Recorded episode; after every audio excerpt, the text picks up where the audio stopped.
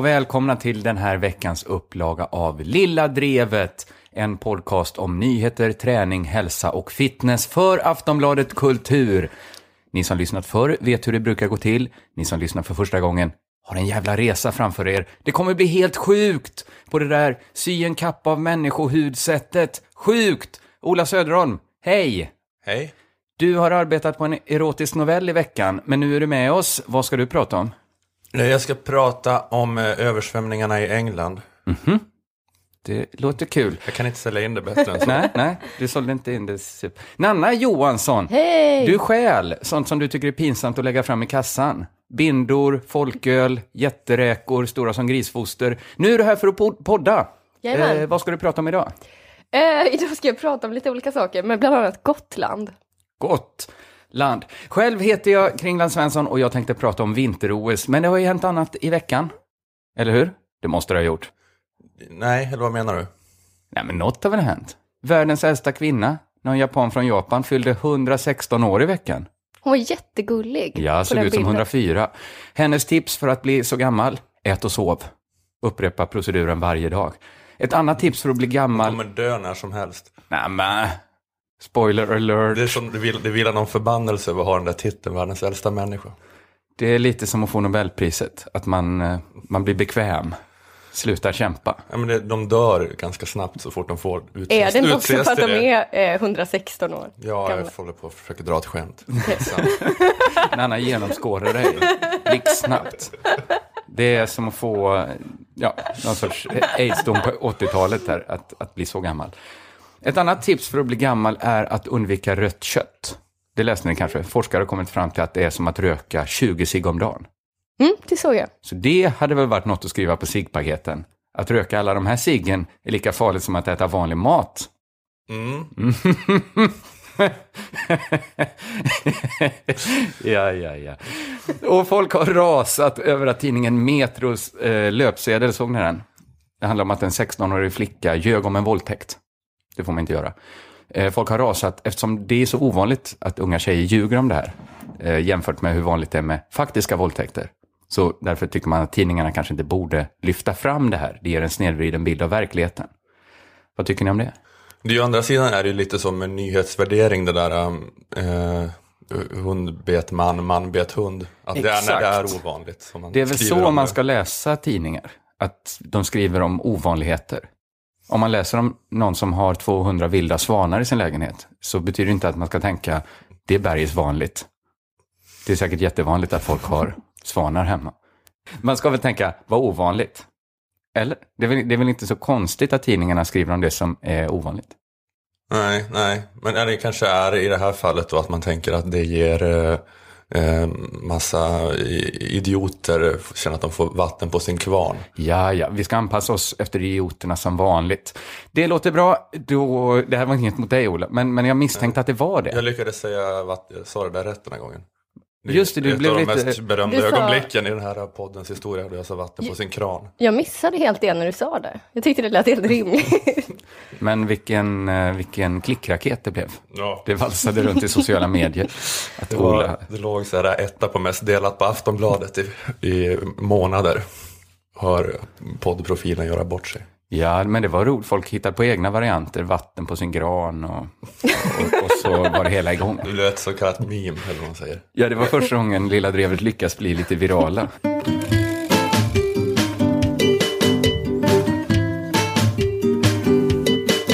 Den här podden kan ju sändas varje vecka tack vare att vi har en sponsor, Akademikernas A-kassa, som gör det möjligt för oss att avsätta tid för att arbeta med det här.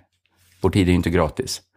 Och framförallt är den ju inte oändlig, vi ska ju dö en dag. Men först ska vi podda ihop med Akademikernas A-kassa. Så gå med i A-kassan, det kostar 90 kronor i månaden. Och vad kan man få då, Ola? Man kan få eh, 15 000 kronor eh, har man möjlighet att få ifall man skulle råka bli av med jobbet. Och eh, lite mer om det blir regeringsskifte i höst också. Precis, precis. Spännande det där. Att det är val och sånt där. Eh, vi är jätteglada att akademikerna sponsrar oss, men det är tydligen lite svårt att mäta Lilla Drevet-effekten. Hur mycket ger det i faktisk eh, utdelning? Så en lösning skulle kunna vara att ni som lyssnat på vår podd och sen kommit på att ni vill vara med i någon a-kassa, ni kan väl skriva till at akademikernas eller använda vår förnämliga hashtag Lilla Drevet och berätta.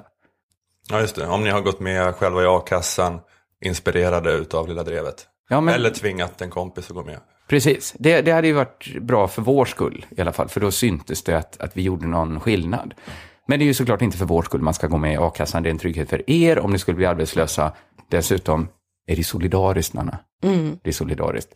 Så gå med och berätta om det för andra, eh, akademikernas eller hashtaggen Lilla Drevet. Och följ oss gärna på Twitter, greiderdd, där twittrar vi om poesi och politik.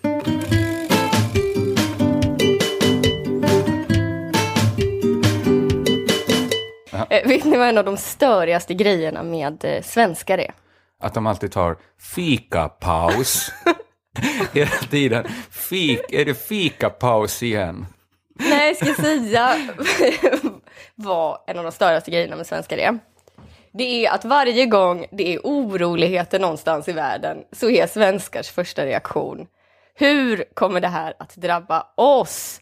Det spelar ingen roll om tusentals människor har blivit massakrerade. Svenskar lyssnar inte förrän de hör ordet Sverige. Då blir det ljud i skällan.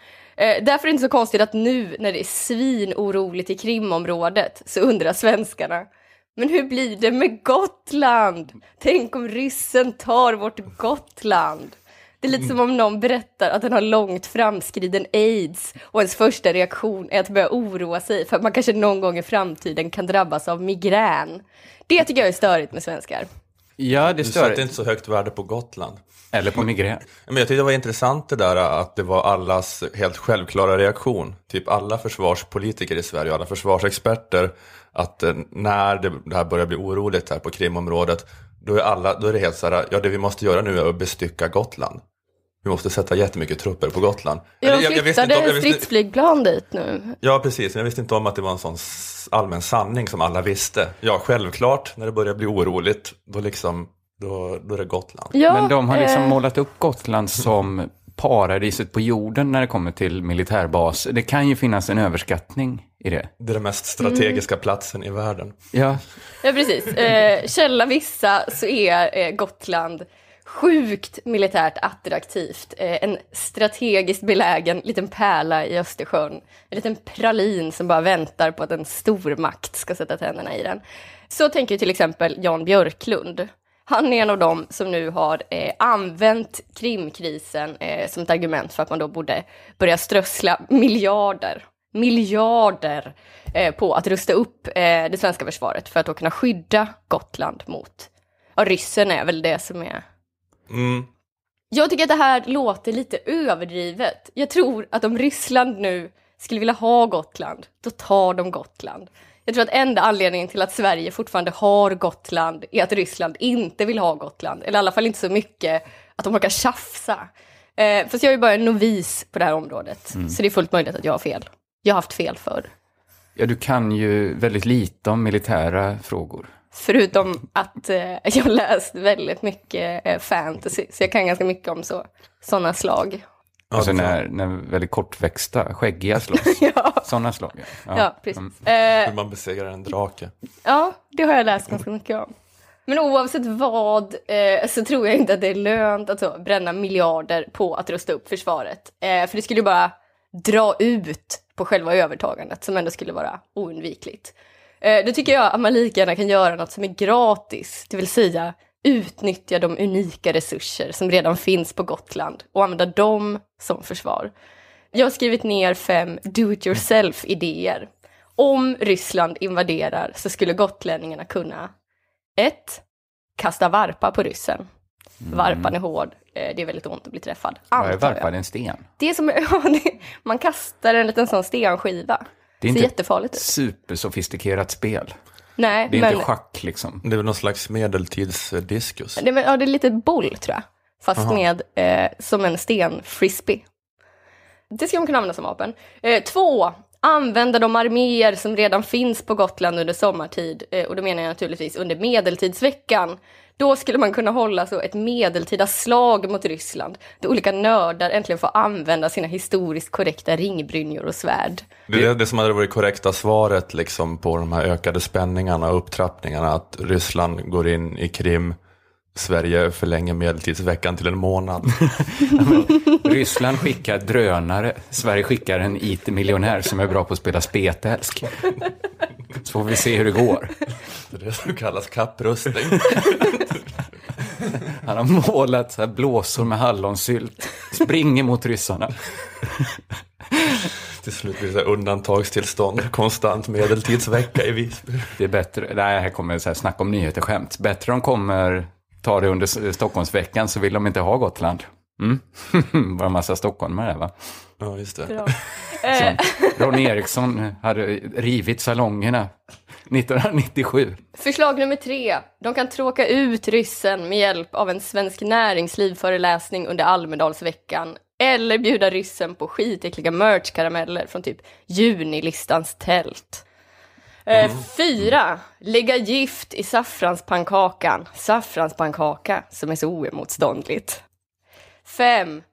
Babben Larsson. Jag har inte skriva mer på den. Men ni förstår principen. Varför göra det dyrt när det kan vara gratis om det ändå kommer gå åt helvete? Vilken liten domedagsprofet du är. Men jag tänkte på en grej med eh, att då prinsessan Leonor föds och utses till hertiginna av Gotland. Ja, vilken nyhetsvecka för Gotland ja. Verkligen. Men är det någon liksom förbannelse över den här prinsessan? Att hon föds och direkt så är Gotland hotat. Vi tar det säkra för det osäkra och slår ihjäl henne med en hammare tycker jag. Att det ska bli bra skörd.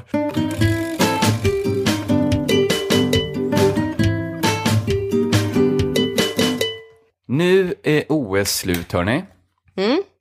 Vi har varit lite dåliga på att bevaka OS här i Lilla Drevet. Är det någon som har tittat på OS? Ja, du, Ola. Jag har ju tittat på hockey. Men du tittar på hockey. Men- Du tittar väl på så längdskidor? Nej, jag, jag har faktiskt det? inte gjort det. eh, Men jag tänkte på något med det att eh, alla, det har varit helt frikyrklig stämning över hur bra Sverige var i OS. Och så såg jag att Sverige var 14 plats i medaljligan. Och det finns typ 16 Vad- länder Ja som hur, har snö. många, ja, hur många länder finns det som har vintersport? det låter helt bedrövligt. Ja, det, det är verkligen, verkligen 14. uruselt. Och så är det det bästa OSet någonsin. Nej, de kan dra åt helvete tycker jag. Vi, vi har inte följt det riktigt för vi tycker att det är ju lite av ett pöbelnöje att titta på OS, eh, har vi ju sagt i Lilla Drevet. eh, tittar ni på er skidstafett eh, så tittar vi på ett program där Jonas Tente tvättar Lars Noréns fötter med Knausgård.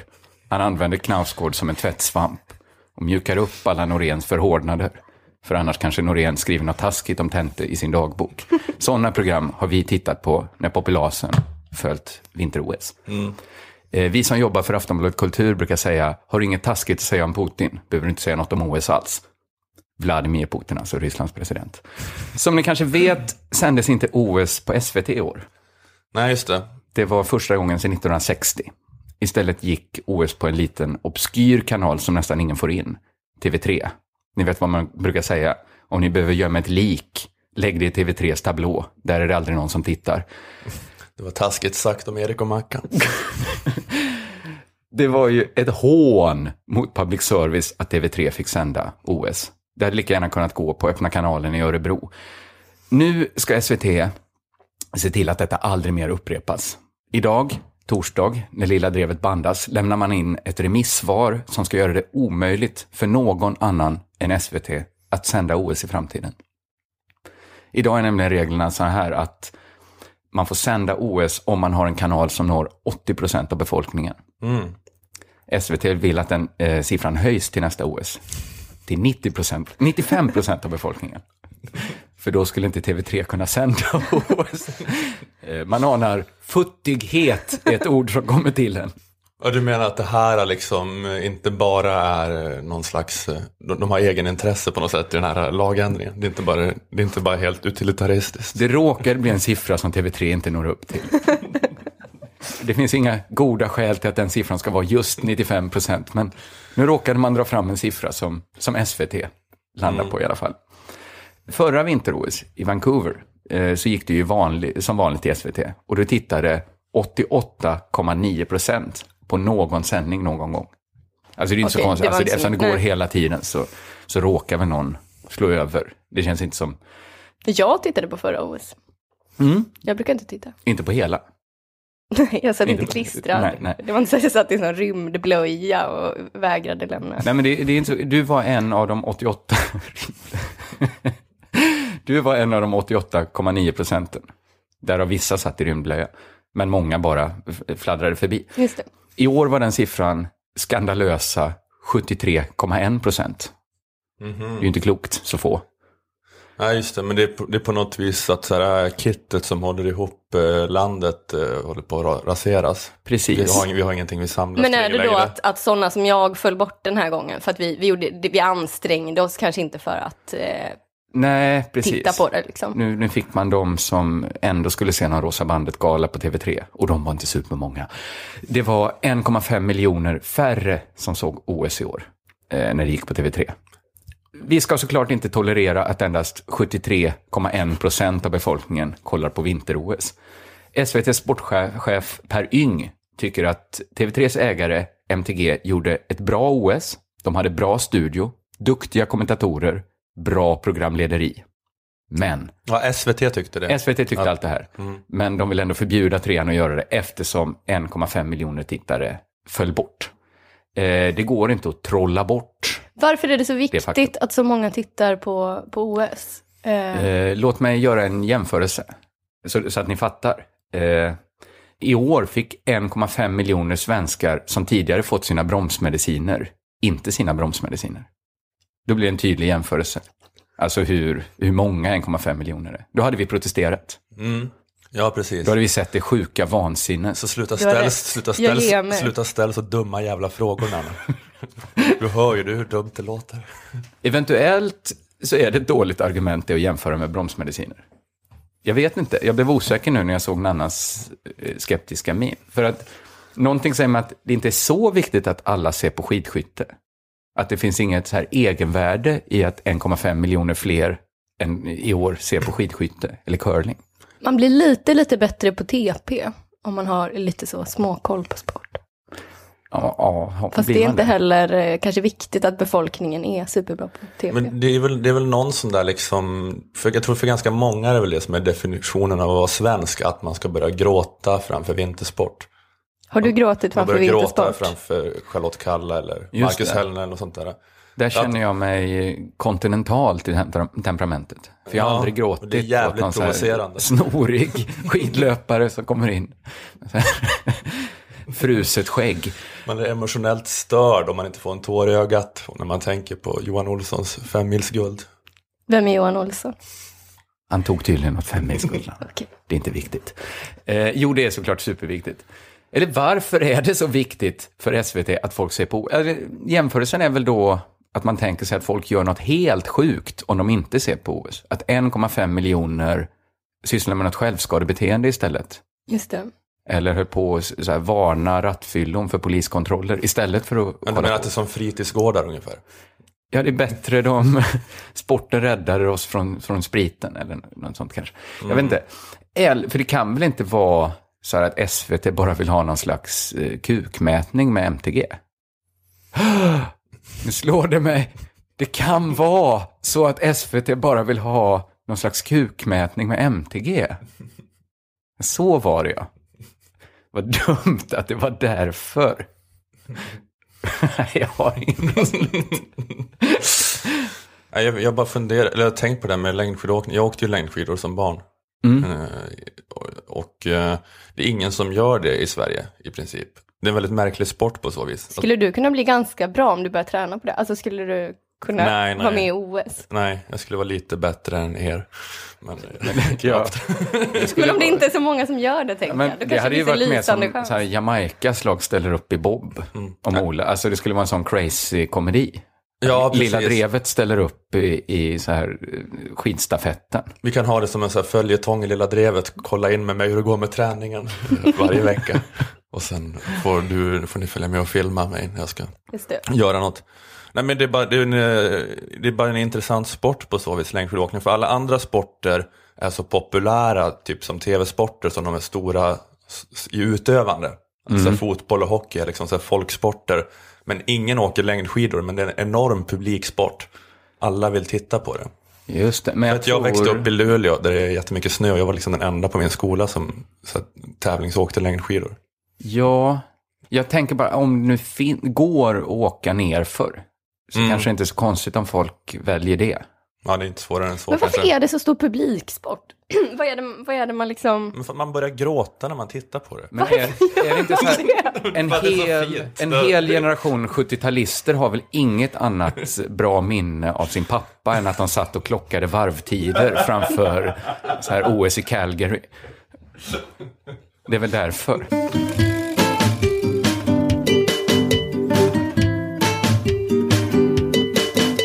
Eh, hörni, det sägs ju att eh, tiden för våra tillväxtekonomier håller på att ta slut. Att det inte är hållbart eh, att fortsätta. Att det är att tillväxten måste öka hela tiden Ja, eh, för att välståndet ska eh, vara konstant. ja precis. Eh, och ett problem är ju att ju mer utvecklat ett land är, eh, desto större, eller desto svårare utmaning blir det att skapa tillväxt. För tillväxt är ju alltid enklare från en lägre nivå. Om alla går och bär saker i famnen och någon plötsligt uppfinner en skottkärra. Då kanske tillväxten i den ekonomin ökar med 400 procent. Eh, Men det är svårare då i ett i-land som till exempel Sverige. För det är redan så färdigexploaterat. Alla har redan en skottkärra. Precis. I Sverige har vi alla en skottkärra. Ja, men så ska här, vi vara till, glada för. till exempel då när det gäller människors privatkonsumtion så blir det så svårare och svårare att hela tiden få den att växa. Eh, eftersom vi redan har så mycket grejer. Mm. Eh, risken att vi blir nöjda med det vi har ökar hela tiden. Alltså det var inte så stor risk att eh, statarna skulle vara nöjda med det de hade. Nej, det hade varit deppigt om de lutade sig tillbaka och tyckte att längre än så här behöver vi inte komma. Nej, Jag är nöjd med korngröt och barkbröd och att Raskens gör mig gravid hela tiden. Du menar att nu måste man lite mer krysta in nya behov? Till exempel så, ni behöver en sån jordgubbsdelare. Mm, exakt sånt. I guld. Ja. Och det är ju därför det satsas så extremt mycket pengar på massa så avancerad och intrikat eh, reklam nu för tiden.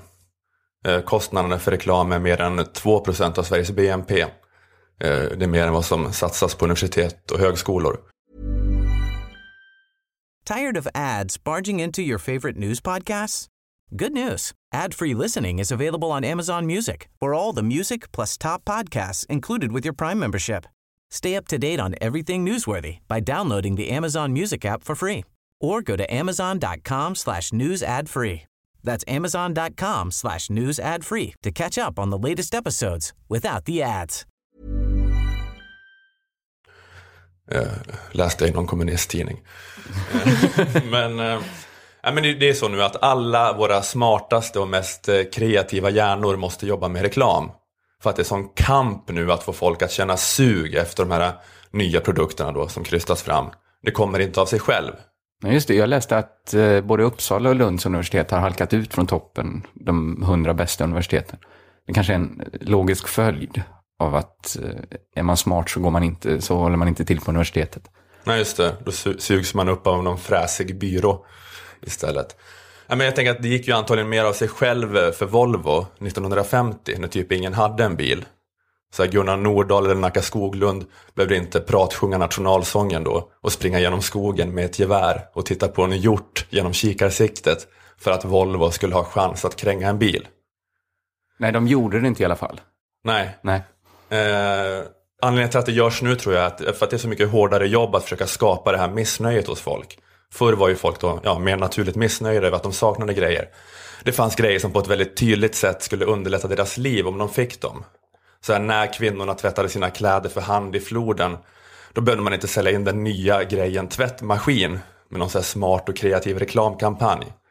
Tommy Nilsson behövde inte döpa om sig till tvättmaskin. för att man skulle tycka att det var en skön grej med tvättmaskiner. Alltså det räckte med argumentet den här grejen sparar tusen timmar i veckan. Man behövde inte också argumentet ska du inte köpa en tvättmaskin ironiskt eftersom att det var en sån episk reklamkampanj. Eh, Och om man svälter så är man ju automatiskt motiverad att försöka skaffa mat. Man behöver inte så här en såpopera-parodi i 200 avsnitt med Hans Mosesson och Paul Tilly. Man gör det ändå.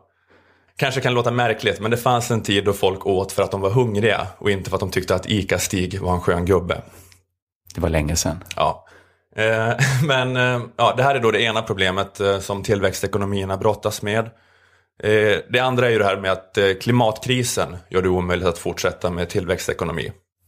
Att eh, tillväxten orsakar mer och mer utsläpp och vi är redan då i en sån här situation att, att om alla på jorden levde som vi gör här i Kringlands vardagsrum hade vi behövt jättemånga jordklot. Ja, Eller vardagsrum.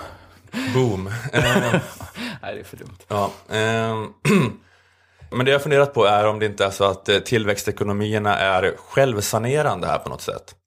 Att det här andra problemet, klimatet, är lösningen på det första problemet. Du är ute efter någon bristen på darwinistisk lösning här. Ja, det är någon slags eh, kretslopp ändå på något vis. Eller det, ja, det löser av sig självt. Apropå klimatet så har då Storbritannien de senaste månaderna eh, haft mer översvämning och hårdare vindstyrkor än eh, vad de haft någonsin. Aha. Eller ja. åtminstone sedan 1766 då man började mäta. Eh, Så extremt mycket egendom och eh, hus har förstörts. Eh, Och jag hörde Sveriges Radios korrespondent Staffan Sonning återberätta vad Storbritanniens centralbankschef Mark Carney hade sagt om det här.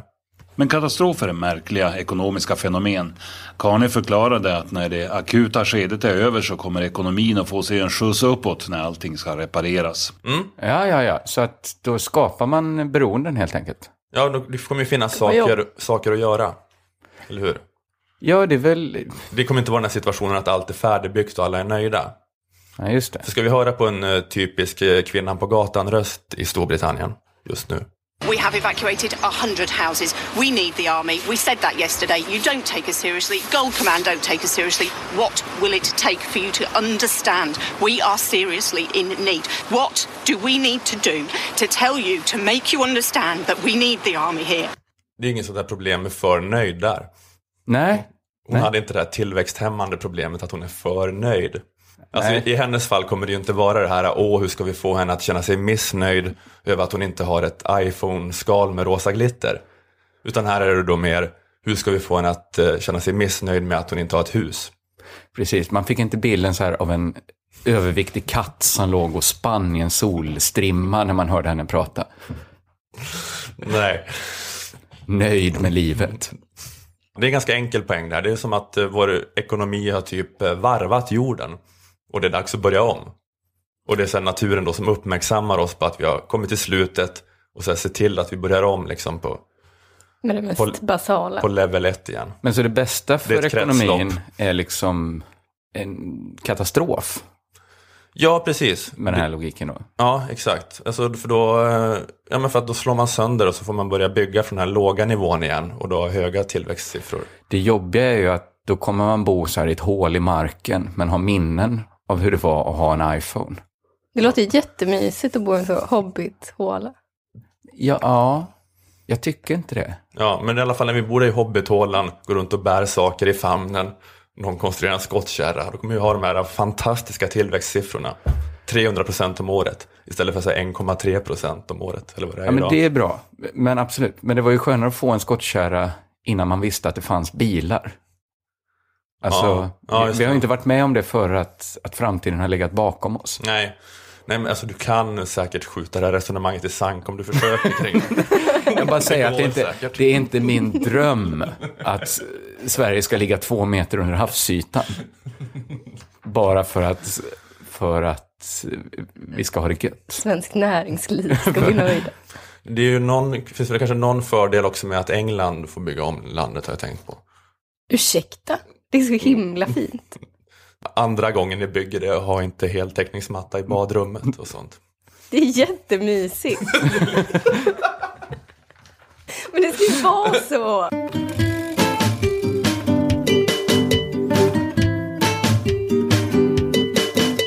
Vad roligt det var att få höra på Lilla Drevet och inte vara med.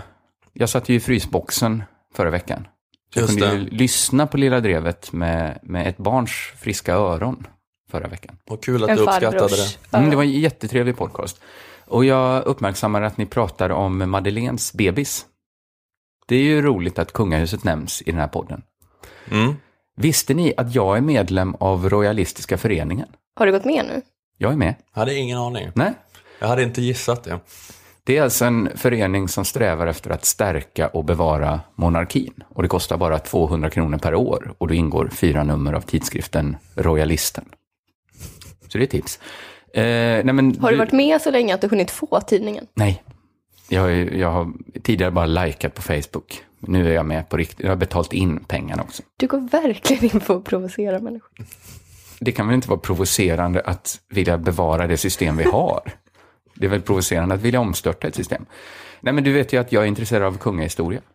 Titta där. Där är alla mina böcker om Gustav IV. Står på översta hyllan. Just det. Eh, det tycker jag är mysigt. Eh, och jag skulle inte... Alla truppförflyttningar under stora nordiska kriget har han här.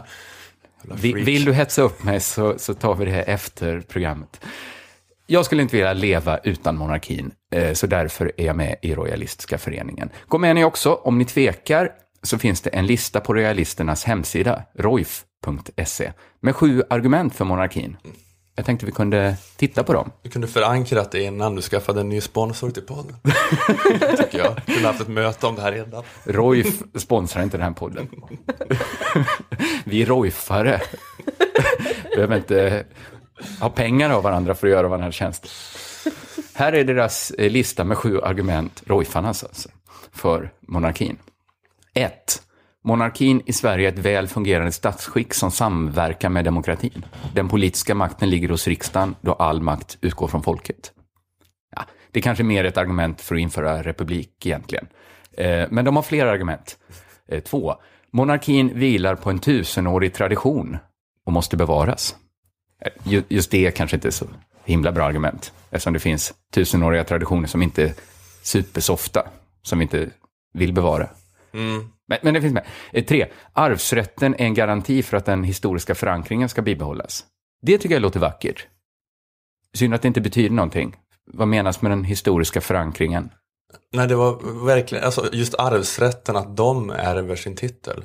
Just- Eller är det arvsrätt- arvsrätten i stort? Eh, Ja, det, det är nog den, alltså vad heter det? Nu kommer jag inte på vad det heter. Successionsordning. Precis, men i så fall är ju Sveriges historia bara 200 år gammal.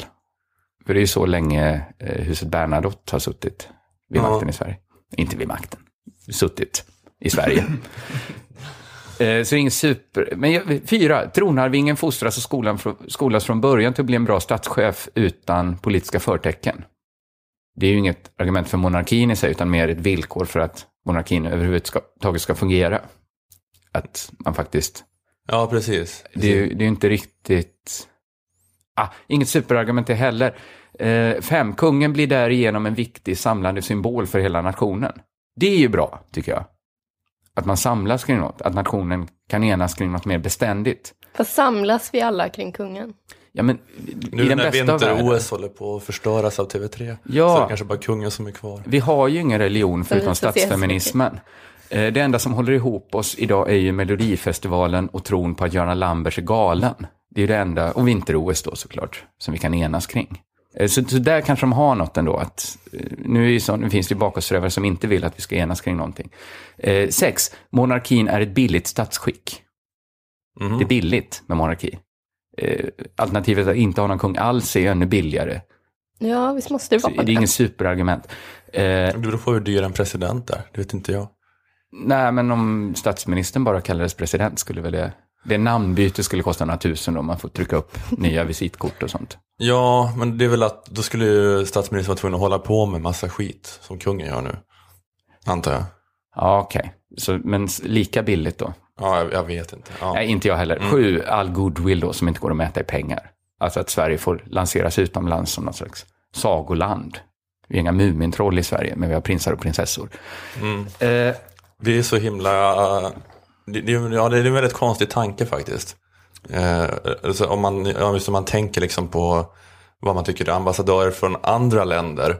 Det är väldigt sällan monarkerna liksom sådär som jag tänker skulle vilja göra att typ en svensk skulle vilja liksom investera i Spanien eller eller jag, jag tänker, vad, vad är, alltså, det är väl mer kanske sådär Zlatan och Robin som folk är imponerade av som är svenskar. Ja, men om vi aldrig hade haft kung i Sverige och vi fick höra talas om det finns något som heter kung, då hade man kanske tänkt att det är något i, i liksom Afrika kanske. Det känns väldigt liksom, det känns främmande, tanken. Det känns, det har något hövdingligt över sig. Alltså jag tycker inte de här, det smärtar mig lite som royalist att de här sju argumenten inte är så bra. Nej. Alltså de är inte superstarka liksom. Det är svårt att vara royalist när argumenten för det är så svaga. Så jag skulle vilja lägga till ett åttonde argument, eh, som liknar argument fem lite, att kungahuset är en viktig symbol. Okej. Det är det ju. Det är en viktig symbol eh, för att samhället inte är rättvist. Eh, En symbol för att man föds med olika förutsättningar. På det sättet är det en viktig symbol. Det finns ju vidriga krafter i samhället som vill ta bort den här symbolen. Som inte vill att vi ska synliggöra orättvisor. Alltså som vill hoppa på själva symbolen, men inte det orättvisa systemet. Eller hur? Men du, du menar att det här är liksom är eh, en bra, ja, eller det här är liksom en så bra undanmanöver med kungahuset också för att det får alla, eh, alla liksom så här hobbyintellektuella att ha något så tydligt att hetsa upp sig över. Ja, att det- det... här, det här är så extremt konstigt så man tar inte tur med det som med ett problem på riktigt. Nej men precis, eller framförallt så är ju inte kungahuset ett problem. Det är ju liksom en gammal feodal kvarleva som bara symboliserar någonting. Det, det, det är säkert bra att vi inte säger neger idag. Men det var ännu bättre att man började med att avskaffa slaveriet. Alltså, förstår ni vart jag vill komma? Den här svarta dockan i Kalanka på julafton var ju en symbol för hur vi, hur vi en gång såg på svarta. Men det har ju inte varit en lösning att bara ta bort själva symbolen om vi inte först hade liksom förändrat vår bild. På Republikanska föreningens hemsida, repf.se, har de listat argumenten för republik. Och de har bara tre argument mot royalisternas sju, så redan där har de förlorat.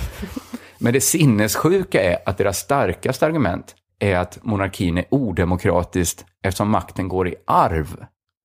Det är ju ett så hopplöst kälkborgerligt argument. Som att makt bara är det som fördelas i demokratiska val. Att det inte skulle innebära någon makt att ärva pengar eller inflytande.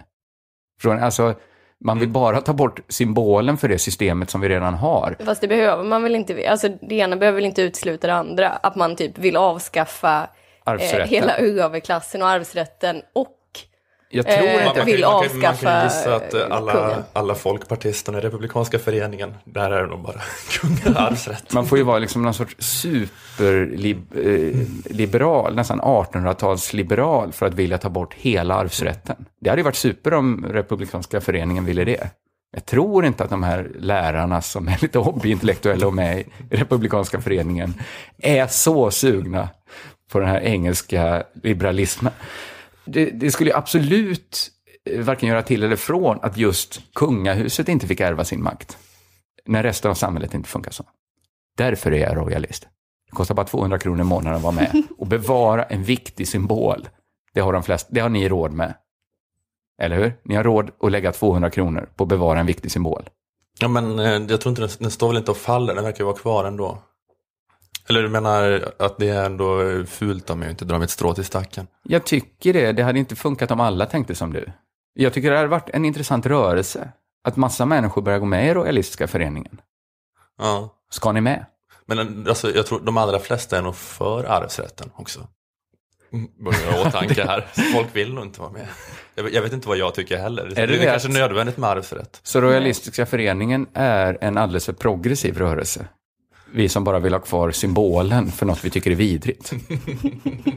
Ska ni med? Eller älskar ni klassamhället? Det, du menar, är det så, det är det då Royalistiska föreningen säger implicit, vi vill ha kvar arvsrätten här och avskaffa den överallt annars. Jag tolkar det som man lägger till...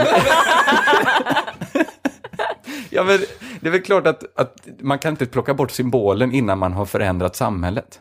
Då är det bara att, eh, ja men om man ska säga någonting, Eller så kan man det, så börjar folk rikta ilskan mot eh, ja, men kanske mer eh, eh, den lite bredare eh, överklassen. ja men det handlar ju om att synliggöra, alltså att när samhället gick från feodalt till, eh, säg kapitalistiskt samhälle, så var det svårare att se hur maktförhållandena såg ut. Det behövdes ju en ny analys av det. För att det, det är lätt i ett feodalt samhälle att se. Det är svårare i ett kapitalistiskt samhälle att se hur makten är fördelad. Men hur fan ska man avskaffa arvsrätten? Hur ska det gå till? Vet inte. Vi, Man kan vi, väl införa i alla fall någon slags tak? vi jobbar dag och natt i, i Royalistiska föreningen med det här. Ska inte jag få mina föräldrars grejer när de dör? Vad ska, de, vad ska vi göra med de grejerna? De får vi Har kasta. Ska vi säga då, ska, ni, ska Royalistiska föreningen åka runt som Karl-Bertil Jonsson då med alla mina, mina föräldrars grejer? Vi har och jätte, jätteloppis och sen delar vi upp pengarna mellan oss i Royalistiska föreningen. ja, det är en sorts Blocket-revolution här, att vi ska sälja folks föräldrars gamla grejer bara. Så här fotoalbum med Ola som liten. Kommer hamna på svarta marknaden. Ola på någon sorts här björnfäll. Det enda Royalistiska föreningen vill är att de här bilderna på mig på, som barn på en björnfäll, att så här, olika gubbar ska runka till dem. Hellre det än att du bara ärver dem och ställer till, i någon bokhylla. Vilka pedofiler ska köpa dem.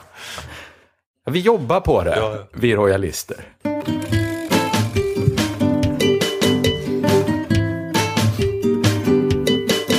Alltså det känns så här som att vi borde, alltså det ligger näst, vi har ju inget uppdrag riktigt, men det känns nästan som vi borde kommentera Ryssland-Ukraina på något sätt. Tror du att alla har gått och väntat på vad just du ska säga om Ja, det? men jag tror så här att folk är ute efter, som jag hade varit, om jag lyssnade på ett sådant här program, så skulle jag vi- vilja att någon bara sa till mig så här, vad ska jag tycka? Eller förklarar vad är det som händer där. Det är Eh, den för Det är ju svåraste- lite rörigt, får man Visst säga. är det det är svårt att heja på någon. Det är svårt att ha det binära tänkandet som man kan ha i många andra konflikter. Eller? Eller vem Nej, har rätt? de flesta, de flesta hejar väl ändå, alltså man tycker väl ändå att, att det är, knäppt gjort av Putin. Jo, jo, men då måste man heja på ett gäng nazister också. Ja, de, ja, det är en del, ut- den, de, här, de här som har tagit makten i Ukraina, det är liksom en koalitionsregering och en del av dem är det här Svoboda som är typ nazister, eller nästan nazister. Ja, De är väl nazister, alltså, Men dessutom verkar ju svenska nazister åka ner och slåss för Ukraina. Då, verkar, då känns det liksom, det tar emot lite i alla fall att säga, det skulle jag också gärna göra. Det, det, det. Nej, men jag läste, det var någon professor som var så himla arg på Reinfeldt. För Reinfeldt hade uttryckt sig lite luddigt. Han sagt så här, man får också förstå Ryssland pyttelite. Och då sa de så här, det var det vidrigaste uttalandet jag hört i hela mitt liv. Och då tänkte jag, oj, kan man ha en så stark åsikt om det här? Mm. Men det, det blir också någon sån här grej med att uh, uh, just den här uh, Sverigevinkeln på allting då. Att, eh, vi, att nu har Carl Bildt och Fredrik Reinfeldt uttryckt sig på lite olika sätt.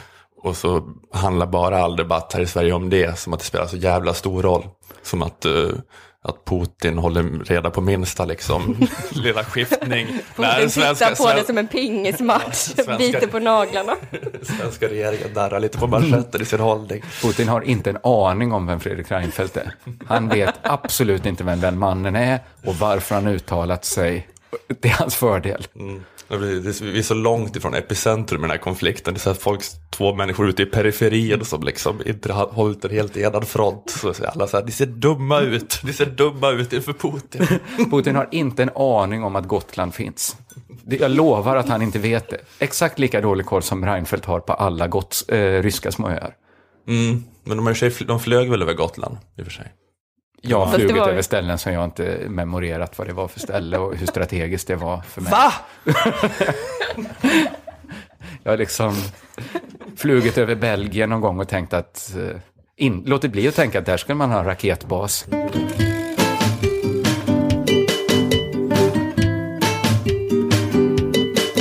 Kompisar, Lilla Drevet är slut för den här veckan. Mm. Vad tyckte ni? Jag vet inte. Tvåa? Två av fem. Godkänt.